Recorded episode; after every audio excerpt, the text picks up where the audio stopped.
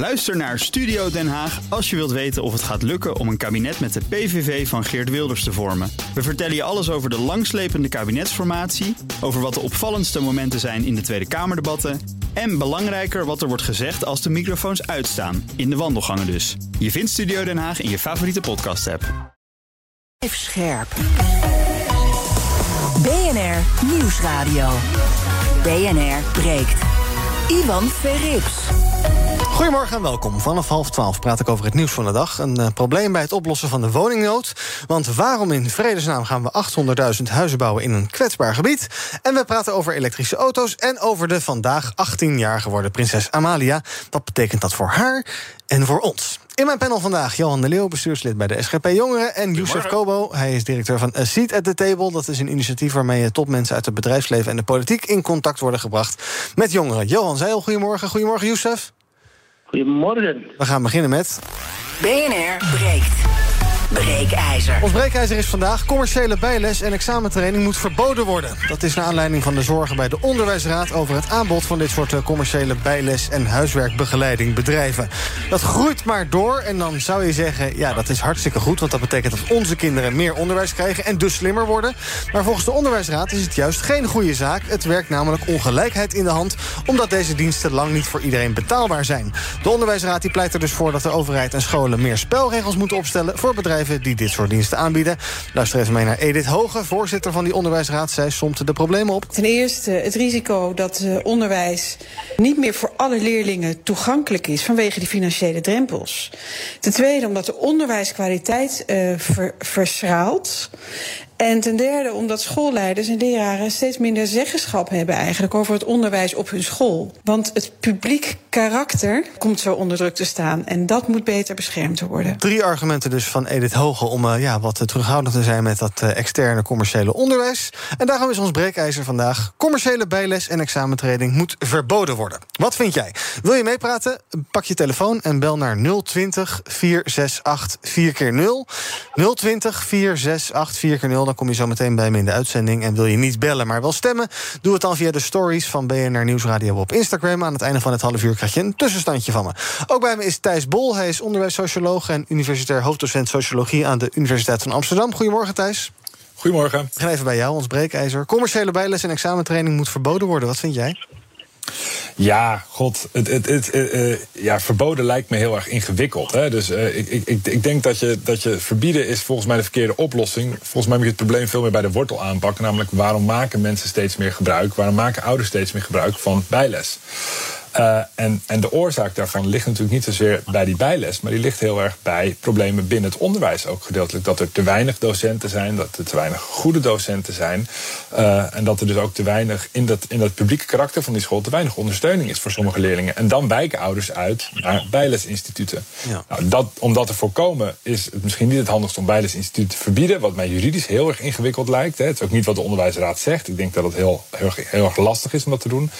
Maar het lijkt me wel heel erg goed om na te gaan denken hoe we andere manier kunnen gaan investeren in onderwijs, zodat ouders het minder nodig vinden om dit te doen. Ja, want zou je inderdaad kunnen zeggen dat er iets schort aan ons publieke onderwijs als er inderdaad heel veel ouders en kinderen zijn die ja, naar dit soort commerciële clubs gaan? Dat dat blijkbaar iets blootlegt wat er mis is met het uh, publieke onderwijs? Ja, ja, nee. Ja, dat is natuurlijk voor een breekijzer een beetje lullig dat ik heel genuanceerd ben. Ik weer de genuanceerde, genuanceerde wetenschap hier. Nou, ja, want uh, we zien gewoon dat de kwaliteit van onderwijs in Nederland de afgelopen twintig jaar aan het dalen is. Hè. Uh, een recent onderzoek liet zien dat een kwart van de 15-jarigen praktisch analfabeet is. Dat betekent dat zij, als er een bijsluiter zit bij medicijnen, dat niet goed kunnen lezen, niet goed genoeg begrijpen. Dus daar gaat iets mis. Kinderen leren niet genoeg meer lezen, niet goed genoeg rekenen in ons onderwijs. En nou, die gaten die worden, die worden gedicht door bijlessen, hè, door, door hulp van uh, commerciële bureaus, van online tools, uh, et cetera. Mm -hmm. Dus enerzijds uh, zegt het iets over ons onderwijs en ook het gebrek aan structurele investering in ons onderwijs de afgelopen decennia. Anderzijds is het ook gewoon het geval dat de afgelopen 20, 30 jaar onderwijs steeds bepalender is geworden voor wie wat bereikt in onze samenleving. Ja. En welke maatschappelijke positie je krijgt, hoeveel inkomen je hebt, welk beroep. Ja, dat hangt steeds meer af van onderwijs. Nou, dat weten ouders ook. Sommige ouders weten dat beter dan anderen. Vooral hoogopgeleide ouders zijn zich daar heel erg bewust van. En dat betekent dat de druk om een goede uitslag te krijgen op zo'n eindtoets, op zo'n CITO-toets, is veel hoger geworden. Uh, de druk om toch dat examen te halen is veel hoger geworden. Ja, en daardoor, uh, ouders zien dat toenemende belang van onderwijs en willen er daardoor ook wel meer voor investeren. Blijf even bij me, ik ga een rondje panel doen. Dan kom ik zo meteen bij je terug. En dan kom ik zo meteen ook bij de bellers 020 468 4 keer 0 Ons breekijzer is commerciële bijles en examentraining moet verboden worden. Johan, wat vind jij? Nou, inderdaad. Uh, het onderwijs is erop achteruit gegaan de afgelopen jaren. Dat uh, wordt terecht al aangegeven. En op dit moment zit er vooral een belangrijk probleem bij de lerarentekorten. Uh, kijk, als je gewoon minder leraren voor de klas hebt, dan ga je meer de achterstanden oplopen. Zo simpel is het. Dus in die zin is het ook gewoon echt belangrijk dat we de onderwijssalarissen gaan verhogen. Maar ik zou ook wel echt die slag dieper willen maken die de expert net ook aangeeft.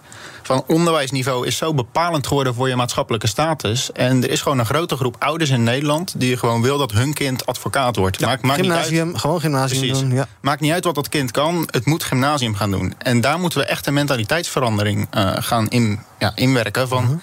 Uh, niet elk kind kan advocaat worden. Zo simpel is het gewoon. En dan moet je ook een herwaardering van bijvoorbeeld het MBO en de technische beroepen waar heel veel tekorten in zijn.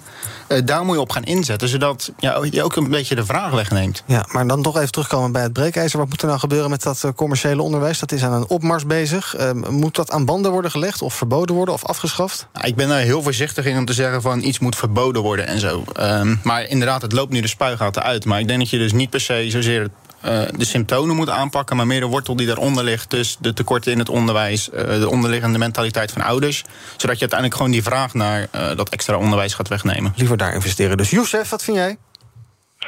Ja, een verbod is natuurlijk veel te vergaand. Hè. Ik begrijp ook niet van waar die vraag komt. Het, het, lijkt me zeer logisch dat zeer veel ouders zullen investeren in de toekomst van hun, uh, kinderen. En uh, ja, er, ontstaat nu vandaag een derde kloof. En dat is het uh, opdracht van het onderwijs uh, van, van de Nederlandse overheden om, hier, om die kloof te dichten. Maar om ineens plots kansen te gaan ontnemen van andere, van andere jongeren, van andere studenten. En meteen te gaan zwaaien met een verbod. Ja, dat lijkt me toch wel zeer absurd en veel te vergaan. Nee. Ja. Vind je het erg dat er ouders zijn die misschien uh, tienduizenden euro's kunnen investeren... zodat inderdaad hun uh, prinsje of prinsesje naar het uh, allerhoogste onderwijs kan... en dat er ook allerlei ouders zijn die dat niet kunnen... en dat daardoor kinderen met een enorme achterstand aan een eventuele carrière beginnen?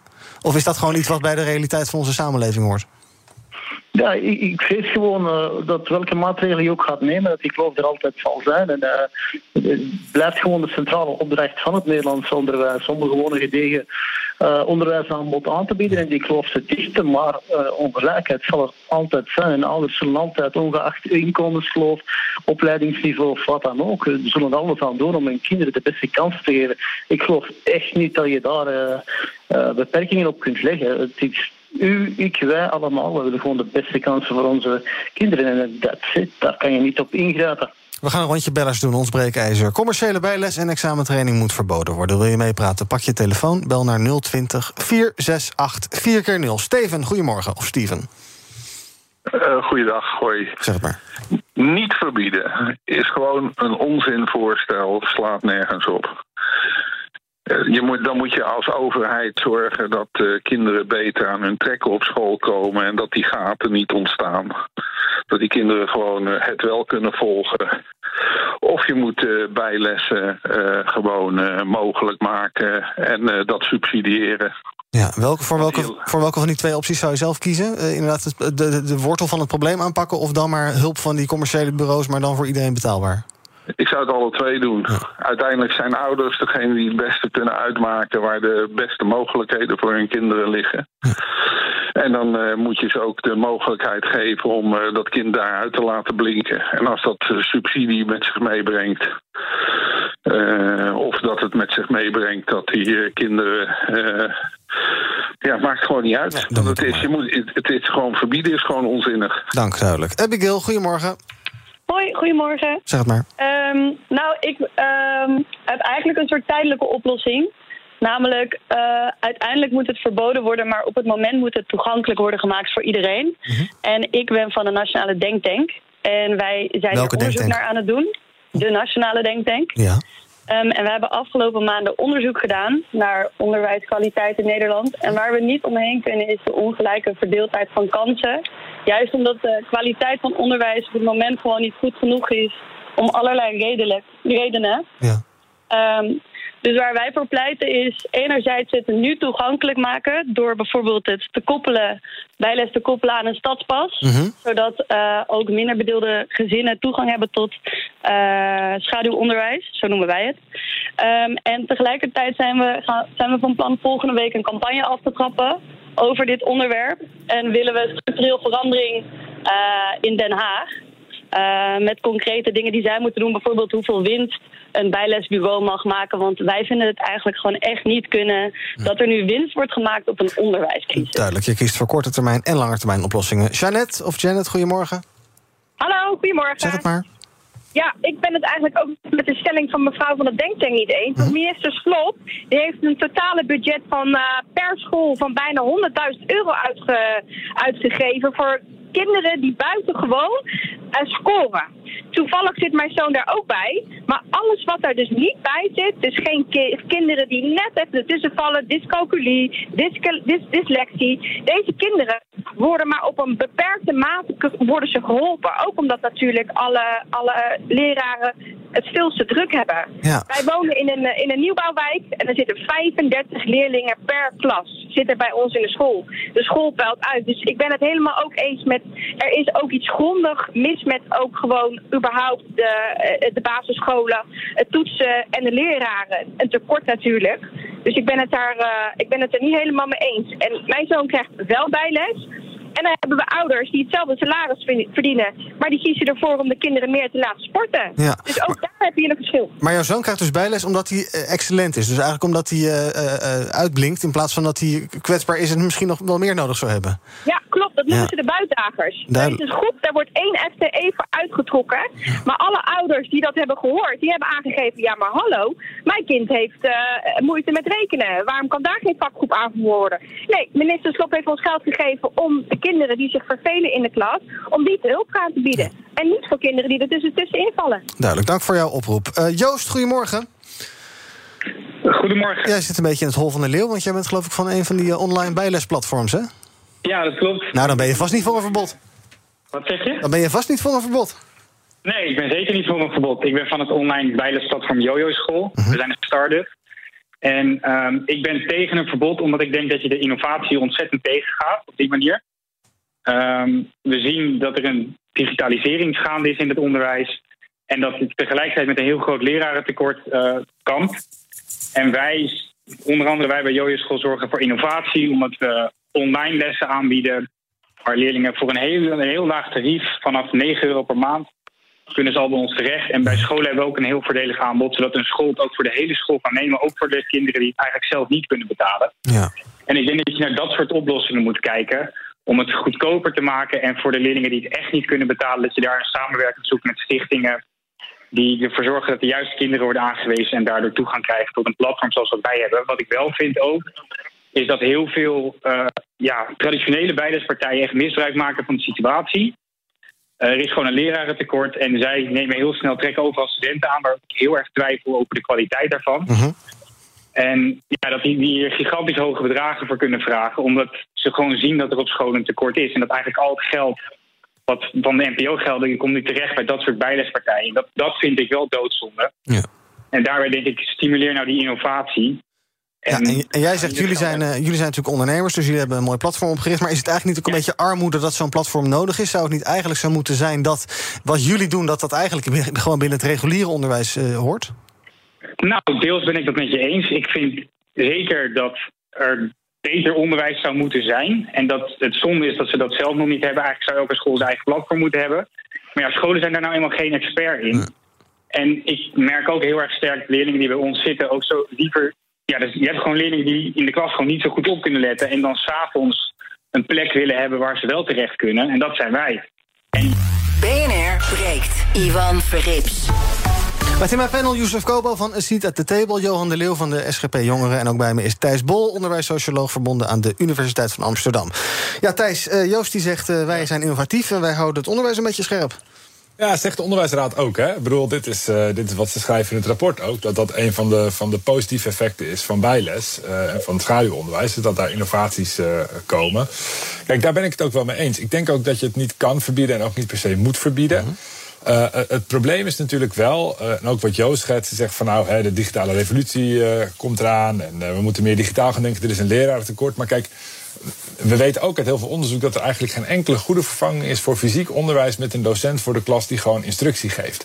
Dus, dus het is ook een risico om te zeggen, nou laten we gaan innoveren en dan kan het goedkoper. Hè. Ik denk dat de oplossing niet is dat we onderwijs goedkoper moeten maken, maar dat als we onderwijs belangrijk vinden, want dat vinden we dus blijkbaar allemaal. Al die ouders willen heel graag bakken met geld geven aan, ja. aan, aan bijlesinstituten. Blijkbaar vinden we onderwijs heel belangrijk. Maar als je kijkt hoeveel we investeren in onderwijs en in docenten, dan valt dat eigenlijk wel mee. Dus, dus misschien moeten we in plaats van allemaal individueel privaat investeren in onderwijs, moeten we publiekelijk als samenleving meer geld geven aan onderwijs. En dat dat ook helpt bij onze kinderen. En iets waar ik ook nog wel wil reageren is dat er gezegd wordt, ook door uh, andere panelleden, maar ook door bellers, van ja, het is logisch, ouders willen natuurlijk investeren in hun kind. Dat klopt. En dat is ook zo.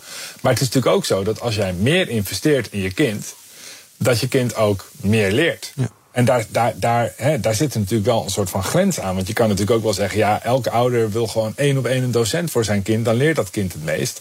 Dat klopt wel. Maar onderwijs is natuurlijk ook een publieke taak. En we hebben met z'n allen afgesproken dat iedereen wel meer of meer gelijke kansen moet krijgen om iets te bereiken in het leven. Hè. En het, is natuurlijk, het, gaat, het gaat echt om die oneerlijkheid die er ontstaat. Dat sommige ouders daar geen geld voor hebben en andere ouders, ouders daar wel geld voor hebben.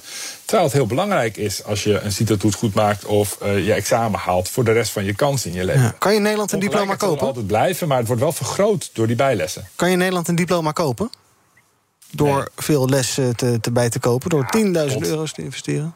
Nou ja, dat, dat is lastig. Ik denk, er zit altijd, dat is, eh, dat is moeilijk te zeggen. Kinderen hebben bepaalde talenten en motivatie. Uh, en je moet ook een bepaald talent hebben, een bepaalde aanleg hebben, cognitief, om een bepaald diploma te halen. Het is echt niet zo dat iedereen een gymnasiumdiploma kan behalen. Alleen het is wel zo dat als je twee kinderen hebt met hele vergelijkbare talenten, die opgroeien in verschillende gezinnen, ja, dat, dat een van die kinderen en met hoogopgeleide ouders met veel geld veel grotere kans heeft om zo'n gymnasiumdiploma te halen dan een ander kind. En dat heeft te maken met de ondersteuning die zo'n kind krijgt thuis van de ouders, maar ook de mogelijkheden om buitenschool bij te leren, zoals in, bijlessen. Ja. Johan, uh, de, uh, uh, net alle bellers, ik zie nog heel veel bellers hangen. We gaan er zo nog een paar kort aan het woord laten. Die zeggen, die, die, die, ja, die zijn dus blijkbaar maken zich geen zorgen om. Thijs zegt ook, blijkbaar willen ouders graag investeren in onderwijs, want die hebben daar heel veel geld voor over. Ehm, wat, is de, wat is het standpunt van de SGP Jongeren en wat is jouw analyse vooral? Waarom is, hoe kan het dat het onderwijs slechter geworden is de afgelopen jaren? Als we het allemaal zo belangrijk vinden. Um, nou, op zich, kijk, er is nu natuurlijk 8,5 miljard, geloof ik, voor NPO-gelden erin gestopt. Um, dus dat is correctie voor de afgelopen coronatijd. Dus, ja, klopt. Kijk, ja. Dat, dat is dan eenmalig, zeg maar, nu corona corrigeren. Kijk, je moet voor zo'n beleidsterrein als onderwijs moet je blijvende aandacht houden. Uh, moet je structureel gewoon van jaar op jaar uh, niet eenmalig een grote bak geld over de schutting gooien. Maar je moet gewoon elk jaar lang structureel investeren. Uh, zorgen dat je onderwijs topprioriteit heeft. Ja, en het belangrijkste onderdeel uiteindelijk van het onderwijs is natuurlijk de leraar. Hè? Die is uiteindelijk degene die voor de klas staat, hij of zij, uh, die daar zorgt dat de leerlingen daadwerkelijk uh, een stukje vorming mee krijgen. vakken leren, noem het allemaal maar op. En daar, die aandacht voor de leraren, daar heeft de afgelopen jaren gewoon echt veel tekort geschoten. waardoor er nu zulke tekorten zijn. Ja. Youssef, ehm, inderdaad bij die commerciële bureaus, die dus als paddenstoelen uit de grond springen. Ja, daar staat, ik zou maar even zeggen, bij wijze van spreken Jan en Alleman staat er voor de klas. Uh, studenten van uh, 18 die studenten van 14 leren hoe het met wiskunde moet. Is dat, dat lijkt me niet zo heel wenselijk, toch? Ja, dat lijkt me een zeer, zeer vreemde evolutie. En ja, slaat ook zeer slecht voor het klassiek onderwijs in, in, Nederland natuurlijk. Als het leertekort zo groot wordt dat ja, man studenten van om de hoek bijles beginnen te geven en iedereen bij hun aanklopt. Uh, wat zegt dat over de staat van het Nederlands onderwijs? Ja, daar vallen toch wel ernstige vragen bij te stellen. Een markante evolutie zou ik zeggen. Ga een paar bellers nog aan het woord laten tot slot van dit half uur. Houd het kort alsjeblieft. Tanja, goedemorgen. Goedemorgen. Zeg maar. Ik ben het uh, oneens met de stelling, al vind ik het heel jammer dat het nodig is. Maar mijn zoon heeft samentraining gehad en die heeft in één dag meer geleerd dan het hele schooljaar, zegt hij. Ja, en wat heb je daarvoor betaald? Uh, per, per examentraining, ik denk 1000 euro. Ja, ja, ja. Dat is, maar uh, hij heeft het wel gehaald. Dus hij heeft er wel wat uh, aan gehad, maar je vindt het eigenlijk armoede dat het nodig is. Rashid, goedemorgen. Ja, goedemorgen. Ik vind dat de ouders eigenlijk subsidie voor moeten krijgen. omdat ze ja, de kinderen het kennisniveau omhoog proberen te krijgen. Mm en dat zou beloond moeten worden. Ja, dus je zou het moeten stimuleren op die manier. Dank voor uh, jouw uh, pleidooi. Uh, meneer, mevrouw El Hadoui, goedemorgen. Ja, hallo, goedemorgen met de heer Odiel uit Den Haag. Zeg het maar.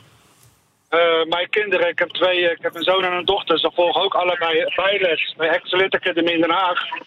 En uh, ze, zitten, ze zitten op het VWO. En als ze lessen volgen op school en ze hebben vragen over bepaalde vakken, dan worden ze gewoon niet geholpen. Er is geen tijd voor, meneer. Dus wat moeten wij dan doen als ouders? We kennen niet anders. Nee. Dus u zou, ook, doen dan? u zou ook liever dat het... Over assenstelsels en zo, daar heb ik allemaal geen verstand van. Nee, dat snap ik. Dus u zou ook liever zien dat het uh, gewone onderwijs beter wordt... zodat u ook niet naar dit soort bureaus hoeft te gaan? Ja, dat kost me honderden euro's per maand, weet je niet. Ja, nee, ik snap en, het. Uh, ja, ja, het moet gewoon. Het is niet anders. De kwaliteit van het onderwijs is gewoon zwaar achteruit gegaan. Dank. Dus ja, wat moeten we dan? Ja, nee, duidelijk. We willen niet allemaal timmerman worden, weet je niet? Wat, wat moeten uw kinderen worden als het aan u ligt? Voor mij maakt het niet uit. Oh, ze maar gelukkig en gezond zijn. Maar ze moeten wel een backup hebben voor de toekomst. Ja, maar Timmerman mag ook, of niet? Wat zegt u? Timmerman mag ook, of niet? Dat mag ook, als hij daar gelukkig van wordt. Ja. Dan mag dat, maar ze willen allebei op het VWO blijven. En u hebt dus daarbij externe hulp nodig, duidelijk. Tot slot van het half uur. Hans, goedemorgen. Goedemorgen. Zeg het maar. Ik, ik wilde zeggen dat ik ooit bijles scheikunde heb gehad... Ja. waardoor ik mijn VWO-diploma heb gehaald. En daarna ben ik economie gaan studeren. Dat heb ik heel snel eh, afgerond. Omdat daar mijn talenten waren. Ik was gewoon goed met getallen en dat soort dingen. En Engels, Nederlands, eh, wiskunde.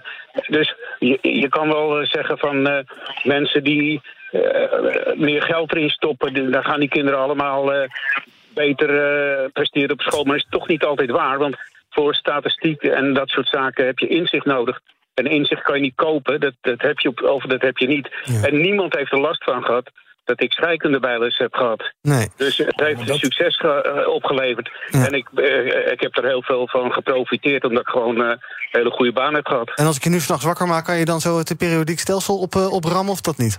Het periodiek stelsel, nou, ik weet nog heel wat eh, symbolen. maar eh, ik, ik heb er geen zin meer in. Nee, ik snap kijk liever naar de beurskoersen. Ja, ik snap het. Oké. OS, wat is dat, welk, welke is dat ook alweer? Nou, wat ik eh, zou kopen is toch nu zo laag staat eh Proces.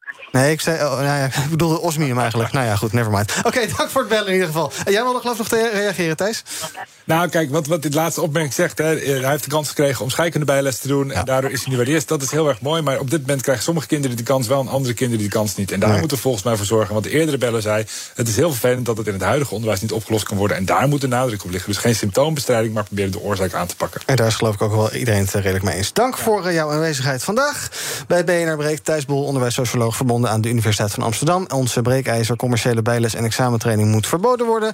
Eh, 70% is het daar ook op onze Instagram-pagina mee oneens. En dat is ook wel de teneur die ik in deze uitzending hoor. Nee, natuurlijk, een verbod is niet de oplossing, maar wel iets doen aan de bron. Zodat ja, misschien die wildgroei eh, daardoor ook eh, wat wordt ingeperkt. Ehm, zometeen ga ik verder praten met mijn panelleden over de opvallende keuze om 80% van de 1 miljoen te, te bouwen huizen neer te zetten in zeer kwetsbaar gebied. Hoe handig is dat? En we hebben het over elektrische auto's. Die zijn nog altijd niet zo in trek bij Jan Modaal. En dat heeft uiteraard allemaal te maken met de poeplap. Oftewel de portemonnee. Zometeen in BNR. Ook Thomas van Zeil vind je in de BNR-app. Je kunt live naar mij luisteren in Zaken doen. De BNR-app met breaking news. Het laatste zakelijke nieuws. En je vindt er alle BNR-podcasts. Bijvoorbeeld Het Nieuwe Geld. Download nu de gratis BNR-app en blijf scherp. Scherp. BNR Nieuwsradio. BNR breekt. Ivan Verrips. Welkom terug. In mijn panel vandaag Johan de Leeuw, bestuurslid bij de SGP Jongeren... en Youssef Kobo, hij is directeur van A Seat at the Table. We gaan praten over het eh, nieuws van de dag. Um, een van die verhalen heeft te maken met het bouwen van nieuwe woningen. Daarbij wordt namelijk te weinig rekening gehouden met klimaatverandering... staat in een adviesrapport van Delta-commissaris Peter Glas aan het kabinet... en vooral aan de ministeries Binnenlandse Zaken en Infrastructuur en Waterstaat. Van de 1 miljoen woningen die tot 2030 gebouwd moet worden... komt ruim 80% in gebieden te staan die daar misschien helemaal niet geschikt voor zijn... door ja, risico op overstromingen, bodemdaling, hitte of droogte. Nou, dat is mooi waardeloos, zou je denken. Eh, Johan, hoe kan dit gebeuren? We moeten heel veel woningen gaan bouwen... maar we weten ook dat er iets is met klimaatverandering... waar iets mee gebeurt. Eh, schrik jij hier dan van dat we nieuwe wijken blijkbaar gaan bouwen... op plekken die helemaal niet geschikt zijn daarvoor? Ja, ik moet eerlijk zeggen, ik vind het een klein beetje paniekvoetbal. Um, als je kijkt van 80% van de woningen stond geloof ik in het rapport. En dan gaat het over de Randstad uh, voor een groot. Ik geloof dat de 800.000 woningen daar een probleem zou zijn. Ik denk ook van ja jongens, als je op die manier gaat redeneren... kunnen we beter alvast uh, een soort van endgame houden... dat we de Randstad gaan verlaten... en dat we heel westelijk Nederland overgeven aan de zee. Want klimaatverandering komt er toch al aan. Mm -hmm. Terwijl, ja kom op jongens, we zijn, we zijn Nederland. We zijn de grootste waterbouwers van de wereld. We helpen overal in de wereld helpen we uh, landen aan de kust met klimaat klimaatproblemen, met landwinnen op zee, noem het allemaal maar op. Ja, dit kunnen we ook echt wel aan hoor. Ja, dus gewoon een soort van delta werken 2.0. Kom op. Um, we gaan toch niet zo makkelijk uh, ermee om. Dus jij rekent eigenlijk op het innovatieve vermogen van ons land om uh, ja, adaptatie, om je aan te passen aan die klimaatverandering. En ja, niet... absoluut, tuurlijk. En jij zegt, dan moeten we ook een soort endgame misschien... Uh, dat we met z'n allen weg moeten gaan trekken uit die Randstad. Ja, dat, dat, is ook een, soort van alternatief. Dat is ook een beetje waar Peter Glas voor, voor pleit, precies. Ja. ja. Nou, zou het niet goed zijn dat we allemaal weggaan? aan zee. Zou het niet goed zijn als we eens allemaal weggaan uit die Randstad? En wat ja, meer volgens mij hebben we nu al een heel uh, dichtbevolkt land. Dus als we dan de Randstad leeg gaan trekken... en dat allemaal op de Veluwe gaan verplaatsen en zo... ik, ik denk niet dat we daar beter worden. Nog los van de gigantische kosten die dat uh, met zich mee gaat brengen. Ja. Nee, ik zeg voor jongens gewoon lekker een Deltaplan 2.0. Bescherm die Randstad, bescherm Zeeland, westelijk Nederland... en dan komt het echt wel goed. Youssef, bij ons moet er dus uh, tot 2030 een miljoen woningen worden gebouwd. Hoe zit dat eigenlijk in België? Is er ook grote woningnood? Uh, ja, ik vind, uh, ik vind gewoon opmerkelijk uh, wat, wat, u, wat uw vorige spreker net zei: van doe maar rustig, Delta werken 2.0 en we het wel. We hebben net deze zomer zelf in België zware overstromingen gehad. En, dat, dat is, daar zijn hele dorpen weggevaagd. En heel veel, uh, honderden huizen verdwenen net in overstromingsgebieden, net in. Uh, net in plekken waar men tegen de mensen heeft gezegd, uh, 30 jaar geleden geen enkel probleem, dat blijft hier, uh, dat blijft hier eeuwig bestaan. we zijn hier beschermd tegen het klimaat en wat nat en tegen overstromingen. En vandaag de dag is die, is die klimaatopwarming daar en verdwijnen dorpen. Dus ik denk het toch, toch net iets te voorbarig van te rekenen op technologie of uh, we, we, kunnen klimaatopwarming uh, de, wel de baas aan. Uh, daar zijn ook tientallen mensen gestorven. Dus ja, ik denk dat daar toch wel over moet nagedacht worden. Waar we bouwen met wat we bezig zijn en hoe we de toekomst gaan tackelen. Johan, je bent iets enthousiast volgens Youssef. Ah, ik, ik snap dat wel. Ik was van de zomer toevallig in België op vakantie in dat gebied. Dus ik heb uh, per ongeluk dat ramp, rampgebied ook gezien daardoor. En inderdaad, wat uh, het andere panellid zegt: van in België zijn best wel wat slachtoffers gevallen en zo. Maar daar zie je dus al het enorme verschil. Hè, dat de schade en het aantal slachtoffers in België veel groter was dan in Nederland omdat uh, gedeeltelijk zeg maar, dat te maken heeft met de geologie van België.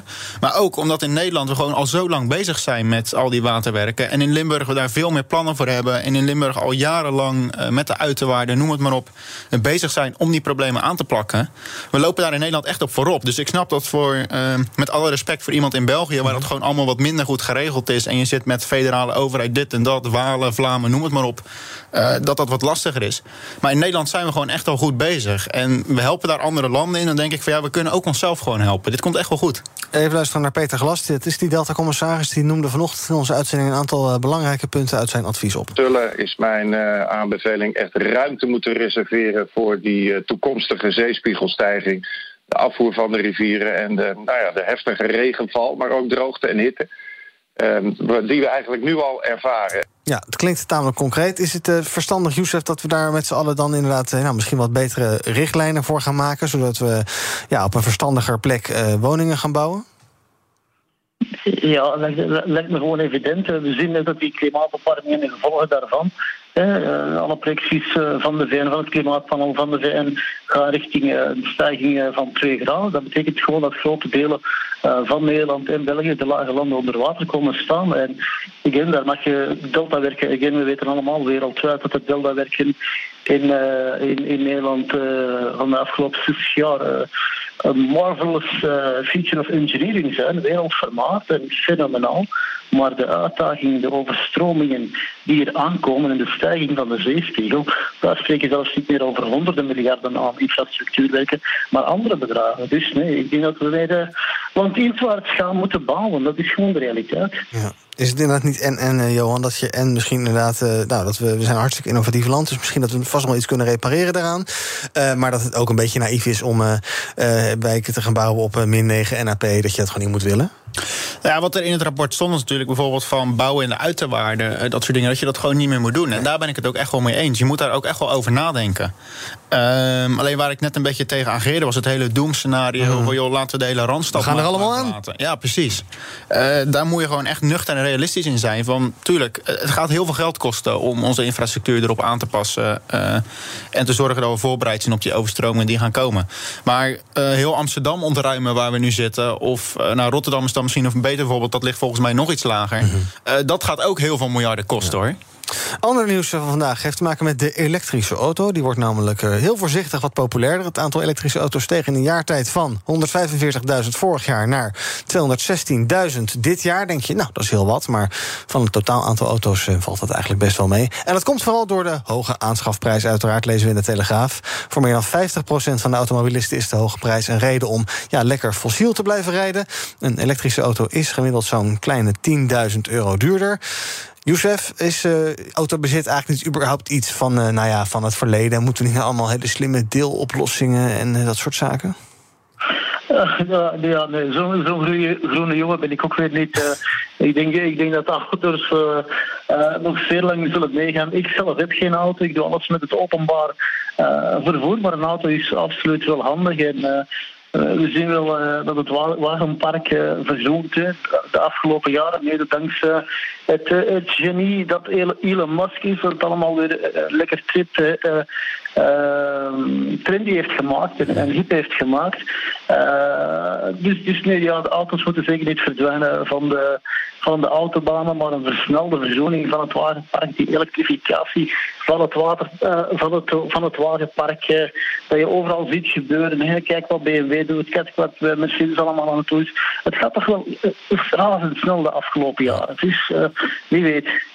Ja, en als we dat met z'n allen zo belangrijk vinden... moet daar dan wat jou betreft ook meer geld heen? Er zijn al subsidieregelingen, maar ja, als we zeggen van... ja, dat, is een doelstelling die we allemaal willen halen... 2030 uh, alle nieuw verkochte auto's zero emission...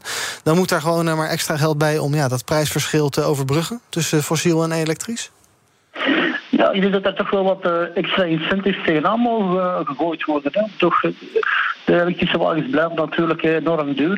De, modale, uh, ik betwijfel of de gemiddelde Nederlander zich dat wel kan veroorloven. Dus dit is een van de weinige zaken waar ik van denk van daar mogen zeker wel subsidies tegenover staan. Johan, goed idee om daar toch maar miljoenen of miljarden tegenaan te pompen... zodat iedereen in 2030 een elektrische auto heeft. En jij ook dus? Nou, het is inderdaad belangrijk om te zorgen dat elektrisch betaalbaar blijft. Uh, en het liefst natuurlijk gewoon goedkoper dan fossiel. Om te zorgen dat, je, dat die vraag er komt.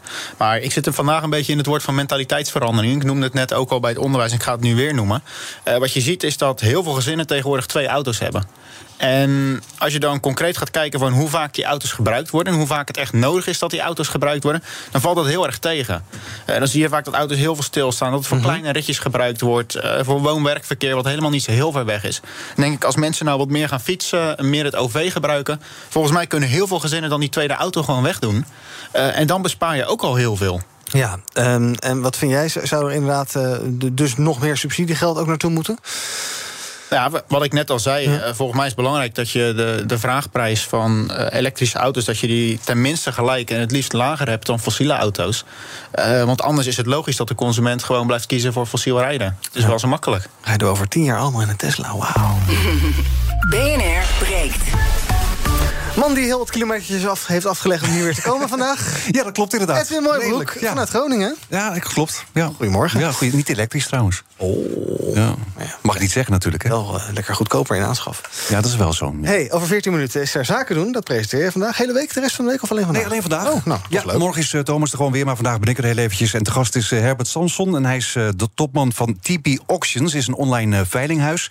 Ze hebben een nieuwe koper gevonden. En TP Auctions velden veel uit faillissementen. Maar ja, die zijn er natuurlijk nu nauwelijks. Dus nu komen steeds meer mensen ook gewoon spullen bij ze brengen om te veilen. Dus we hebben genoeg te bespreken. Verder het beleggerspanel. En we gaan een kijkje nemen in de keuken van de wonderenwereld van de plantveredeling. Oh, spannend. Ja, dus hoe kan je tomaten goed kweken, zeg maar, tegen droogte en dat soort dingen allemaal. Ja, oké. En uh, Thomas is er niet, maar Kees is er wel, hè? Kees is er wel. Heel goed, mooi. Ja, altijd. Zometeen, over, ja, nee, ik denk, check het maar even. Misschien het hele programma gelijk omgegooid. Nee, een hele eigen show van maken. Hij is er gewoon. Goed zo, over 13 minuten zaken doen met Edwin Mooibroek vandaag. BNR breekt. Met in mijn panel vandaag Youssef Kobo van Seat at the Table... en Johan de Leeuw van de SGP Jongeren. Uh, we gaan even kijken naar uh, wat jullie opviel in het nieuws. Johan, jij wil het graag hebben over de spanningen tussen Rusland en Oekraïne. Die lopen al een tijdje op. Ik zag al beelden voorbij komen van treinen met allerlei oorlogsmateriaal... wat uh, richting een grens ging. Uh, wat is de laatste ontwikkeling en waar, wat baart jou precies zorgen? Nou, wat mij, kijk, die spanningen die zijn er al een aantal jaren. Eigenlijk sinds 2014 dat een aantal ja, pro-Russische separatisten... met steun van Rusland daar hun eigen republiekjes begonnen zijn in Oost-Oekraïne. Sindsdien is het eigenlijk al gezeur en is er oorlog. Er zijn, ik geloof, 14.000 slachtoffers tot nu toe. Uh, dat suddert al die tijd al voor. Uh, Oekraïne en Rusland liggen gewoon niet zo, niet zo lekker met elkaar. Maar wat mij het meeste zorgen baart, is dat is het grensgebied van Europa. Oekraïne is een soort van buffer tussen Rusland en Europa in. En dat momenteel in de afgelopen weken, dat is de Amerikaanse veiligheidsdiensten ons moeten komen waarschuwen van hé, hey, de Russen zijn daar even een paar duizend tanks aan het neerzetten. Mm -hmm. Uh, dat de Amerikaanse minister van Buitenlandse Zaken en de Russische minister van Buitenlandse Zaken uh, die spanningen proberen bij te leggen in Zweden. Uh, dat eigenlijk alles via de Amerikanen steeds moet lopen, omdat Europa ja, gewoon doorslaapt. Dat vind ik echt zorgelijk. Van je ziet heel grote ambities op Europees niveau uh, voor een Europees leger, voor meer geopolitieke onafhankelijkheid, noem het allemaal op. En dat is allemaal, ja, kan je zeggen, hartstikke leuk. Daar kan je allemaal mening over hebben. Maar ondertussen kunnen we onze eigen achtertuin niet eens goed in de gaten houden. Hebben we niet eens de middelen om fatsoenlijk uh, te zorgen dat de buurlanden van Rusland, uh, die lid zijn van de Europese Unie en van de NAVO, dat die zich fatsoenlijk veilig voelen. Uh, ja, ik vind het een beetje potsierlijk als je hartstikke veel ambities hebt, maar ondertussen niet eens je eigen achtertuin goed in de gaten kan houden. Ja, dus zou je eigenlijk willen zien dat de rol van Biden en Blinken dan wat kleiner is en de rol van von der Leyen en Borrell wat groter? Dat die, dat die dat een beetje op zich nemen? Of hoe, nou ja, hoe zie je dat voor je? Ik, ik, moet zeggen dat ik op dit moment meer vertrouwen heb in Biden en Blinken dan in Borrell en von der Leyen. Um, omdat de Amerikanen natuurlijk de afgelopen 70 jaar al zo'n beetje voor onze veiligheid gezorgd hebben. Uh, en vaker uh, ja, hun beloftes nagekomen zijn dan de Europese commissarissen. Maar het is natuurlijk niet een gezonde situatie dat de Amerikanen voor onze veiligheid zorgen. En je hoort natuurlijk ook de afgelopen jaren onder Obama hoorde je dat al. Uh, Trump die uh, kon dat even luid en duidelijk vertellen. En Biden vertelt het nog steeds. Van dat de Amerikanen er wel een beetje klaar mee zijn om uh, op onze broek op te houden. Ja. Ook omdat we natuurlijk niet genoeg betalen. Uh, Youssef, is het inderdaad raar dat de VS uh, ja, zich uh, zo mengt... of misschien wel moet mengen in een conflict dat plaatsvindt... eigenlijk op het Europees continent... waar zij nou, misschien niet zoveel te zoeken hebben eigenlijk? Ja, nee, het blijft natuurlijk, blijft natuurlijk een sterke transatlantische alliantie en relatie hebben. Maar het blijft natuurlijk ook zeer gênant en pijnlijk voor ons om, om, om, om, om te aanschouwen hoe de Verenigde Staten ons, ons steeds zelf bij de les moeten houden. Er gebeurt van alles, hè, net zoals mijn collega net op onze oostgrens in onze achtertuin. En, en uh, we doen er amper iets aan. Kijk naar Rusland die in deze winter West-Europa gegijzeld houdt hè, over die Nord Stream gas gaspipelines. Hè. Wij gaan de prijzen optrekken, wij gaan minder gas aanleveren. If you're not, als je ze niet toelaat, twee Oekraïne dreigt binnen te vallen, drie Wit-Rusland en Rusland die daar vluchtelingen richting de grens, richting de grens sturen en de EU proberen gegijzeld te houden. Dan, dan zie je ook nog dat Biden net daar toch het voortouw heeft genomen om de Olympische Winterspelen in China te boycotten, omwille van de concentratiekampen in Chongqing. En ja, we, hebben gewoon, het is gewoon gênant. En de Borrell, hè, hoge, hoge vertegenwoordiger van de Europese Commissie voor Buitenlandse Zaken en von der Leyen, ja, het zijn gewoon scherpfiguren. Het is pijnlijk. Het buitenlandbeleid van de Europese Commissie, van de EU, bestaat gewoon niet. En ja, we leven helaas vandaag niet meer in een wereld waarin geopolitiek er niet naartoe doet. Integendeel. Ja, we staan erbij en we kijken ernaar. Vandaag gaat uh, Poetin bellen. Niet met von der Leyen dus, maar met Biden. En onze buitenlandcommentator Bernard Hammelburg die is daar um, wat sceptisch over. Komt er veel, veel uit? Ik betwijfel het uh, zeer. Wat ik hoop uh, al van tevoren, is dat ze. Uh, allebei zullen oproepen om een beetje te kalmeren. Ja, dat kan misschien nooit kwaad. Uh, voorzie jij uh, dat dit inderdaad ja, toch in ellende gaat uitlopen, Johan? Of ja. Is, dit, ja, is dit een soort dreiging die we nog uh, tijden gaan zien... waarbij er niet zoveel gebeurt? En, ja, een beetje, nou, uiteindelijk denk ik niet dat er op dit moment echt een invasie van Oekraïne gaat komen. Uh, kijk, zowel de Russische bevolking als de Europese landen zitten er natuurlijk niet op te wachten. Kijk, Rusland gaat dan gewoon keihard teruggepakt worden met sancties en noem het maar op. Uh -huh. Uh, maar wat Poetin hier vooral probeert aan te geven is... Uh, NAVO-lidmaatschap voor Oekraïne is, een rode grens. Dat is echt zijn belangrijkste lijn hierin. Want je ziet dat uh, de huidige Oekraïnse regering behoorlijk pro-Europees is. heel veel toenadering zoekt tot Europa en tot de NAVO. En dat hij dat heel eng vindt dat dat in zijn achtertuin gebeurt. En dat begrijp ik ook wel ergens uh, van hem.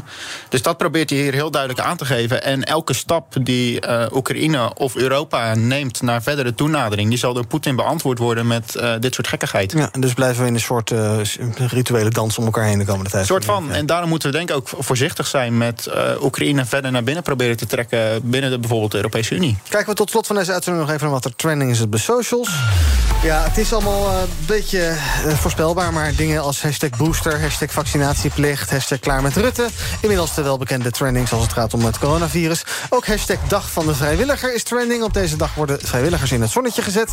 Hashtag Amalia is trending. Zij is vandaag 18 jaar geworden. Hebben we het zo meteen nog wel eventjes over. En ook uh, geld op de socials. Euro-bankbiljetten krijgen een nieuw uiterlijk. De ECB wil in 2024 het definitieve ontwerp hebben gekozen. En is van plan om uit alle eurolanden daarover mensen te laten meedenken. Er staan nu nog geval bruggen, poorten en ramen op. En ze zoeken dus nieuwe thema's. Johan, heb jij nog suggesties? Wat zou jij op uh, eurobiljetten willen zien uh, de komende tijd? Ik zag op uh, Geen Stel zag dingetjes met eurobiljetten met Hugo de Jonge erop.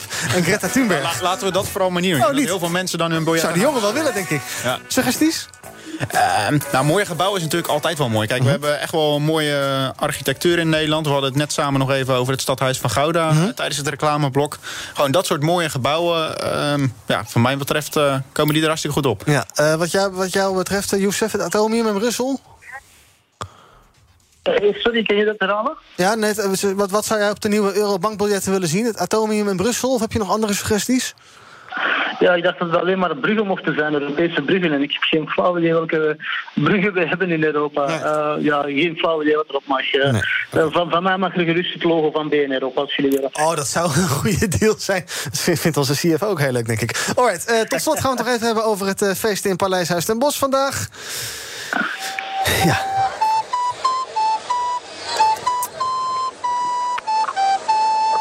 Johan, jij krijgt het, het is voor jou een feestdag hè, als SGP'er zijn, ja, denk ik. absoluut. Nee, wij ja. zijn groot fan van het Koningshuis. Mm -hmm. Dus we hebben ook uh, Amalia op gepaste wijze gefeliciteerd. Uh, we hebben een mooie brief naar haar gestuurd... waarin we er uh, van harte God zegen toewensen voor het nieuwe jaar. En dat ze nou ook, ja, ze krijgt nu meer taken erbij. Ja, zou ze hem lezen, denk je, de brief? Meestal krijg je wel een reactie op dat soort brieven. Ik weet niet of dat ze altijd uh, zelf die brieven leest. Maar mm -hmm. in ieder geval worden ze altijd door, uh, door medewerkers van het Koninklijk Huis gelezen. En vaak ook beantwoord. En we hebben er nog een mooie Bijbel met uitleg bij gedaan. Uh, van ja, we zijn natuurlijk wel SGP'ers. Dus mm -hmm. dachten, als ze nou op zoek is naar hey, hoe ga ik als koningin mijn toekomstig beleid vormgeven. Heeft ze een mooie inspiratiebron in de Bijbel. Ja, is het niet één grote poppenkast dit? Zij wordt vandaag 18 jaar. Dat is hartstikke fijn voor haar. Ze mag vanaf vandaag koningin worden. Het is ook wel een beetje verdrietig dat dit kind zo wordt door ons toch allemaal. We hebben het er allemaal over. En ook de poppenkast eromheen. Ik zie dat ze vandaag is benoemd tot ridder Grootkruis in de Orde van de Nederlandse Leeuw. En ook uh, tot uh, ridder in de huisorde van de Gouden Leeuw van Nassau. En het is toch, hey, hou toch op hiermee, Johan. Kom op. Een, enerzijds snap ik dat, want ja, we zijn een heel nuchter volkje als Nederland. Dus wij denken vaak van, ah, moet dat nou? Uh, anderzijds is het wel zo dat het is niet als, als je bijvoorbeeld Koningshuis vervangt door een presidentieel stelsel, zo dat het dan opgelost is. Kijk, Macron uh, besteedt ook geloof ik 40.000 euro per jaar aan zijn make-up alleen al. Ja, de kapper toch? Ja, ja klopt. Ja. Dus wat dat betreft is het niet alsof hij, de poppenkast en de kosten opeens anders zijn. Wat wel belangrijk is, is dat je in het buitenland. Kijk, wij vinden dit in Nederland heel raar en wij zijn heel nuchter. Mm -hmm. Maar in Apenlanden gaan ze hier nog heel goed op. Daar, daar heb je nog echt met de stamhoofden en noem het allemaal maar Wat voor landen? Ja, zeg maar gewoon min, minder westerse democratie. Apenlanden? Ja, dat is een beetje... Uh, Toch onaardig woord? Nou, het is gewoon... Het is wel hoe het werkt buiten Europa. Heel simpel. Kijk, het is niet per se dat ik bedoel van... Uh, die landen zijn minder of zo. En het, het gaat niet om van... Uh, minder ontwikkelde landen bedoel je? Nou ja, landen die democratisch minder ontwikkeld zijn. Uh -huh. Ik denk dat dat de beste term is. Van, uh, of dat dat nou in China is of een land in Zuid-Amerika of Afrika, maakt allemaal niet uit. Maar in heel vaak in dat soort landen gaat het nog echt om je status en hoe lang zit jij al op de troon en noem het maar op. -huh. En daar bereik je als Koningshuis gewoon echt meer dat je zegt van ja, ik had 51% van de stemmen bij de ja. laatste verkiezingen. Tot slot, uh, Jozef, vandaag een oproep ook van het Republikeins Genootschap. Zij zegt, joh, laat Amalia gewoon lekker een 18-jarige zijn. Ze hebben zelfs een campagne gestart, hashtag Free Amalia. Erfopvolging past niet in een vrij land, uh, vinden zij. Hoe sta jij erin? Ben je blij dat wij binnenkort uh, vanaf vandaag een koningin Amalia zouden kunnen hebben in theorie? Of boeit het je allemaal niet zo heel? Ja, toch vooral dat laatste. Hè. Het, het blijft. Uh, Uh, ja, ik, ben zelf, en dat weet je, ik ben, ben zelf wel altijd fan van een beetje uh, traditie en cultuur. En we moeten dat toch blijven vasthouden. Maar een monarchie is toch echt niet meer iets van de 21ste eeuw. En, dat, ja, en dan, dan durven wij andere landen, Apenlanden noemen, die al volwaardige presidentiële systemen hebben ontwikkeld. Nee, het, het, doet me niets, het zegt me niets. koningen, prinsessen, prinsen, allemaal leuk en wel, maar dat is toch iets voor, meer voor de geschiedenisboeken, denk ik dan. Duidelijk, ja. Nou, ze wordt morgen dus eh, bij de Raad, Raad van State uh, ingeleid en dergelijke. Dan zit ze daarin. En uh, laten we vooral hopen dat ze een fijne verjaardag heeft. En dat, is belangrijk, dat ze niet al te lang wordt belast met al die gekkigheid als het gaat om troonopvolging enzovoort. En dat ze gewoon een tijdje ook nog jong kan zijn en opleidingen kan volgen en dingen kan doen die ze leuk vindt. Dank jullie wel voor jullie aanwezigheid vandaag. Johan de Leeuw van de SGP Jongeren en Youssef Kobo van Seat at the Table. Morgen ben ik er weer. Tot die tijd kan je ons volgen via de socials. En zometeen is hier zaken doen met Edwin Mooibroek. Tot morgen. Ook Harm Edens vind je in de BNR-app. Je kunt BNR Duurzaam niet alleen live luisteren in de app, maar ook terugluisteren als podcast, zoals al onze podcasts. En naast dat de BNR-app Breaking News meldt, houden we je ook op de hoogte van het laatste zakelijke nieuws. Download nu de gratis BNR-app en blijf scherp.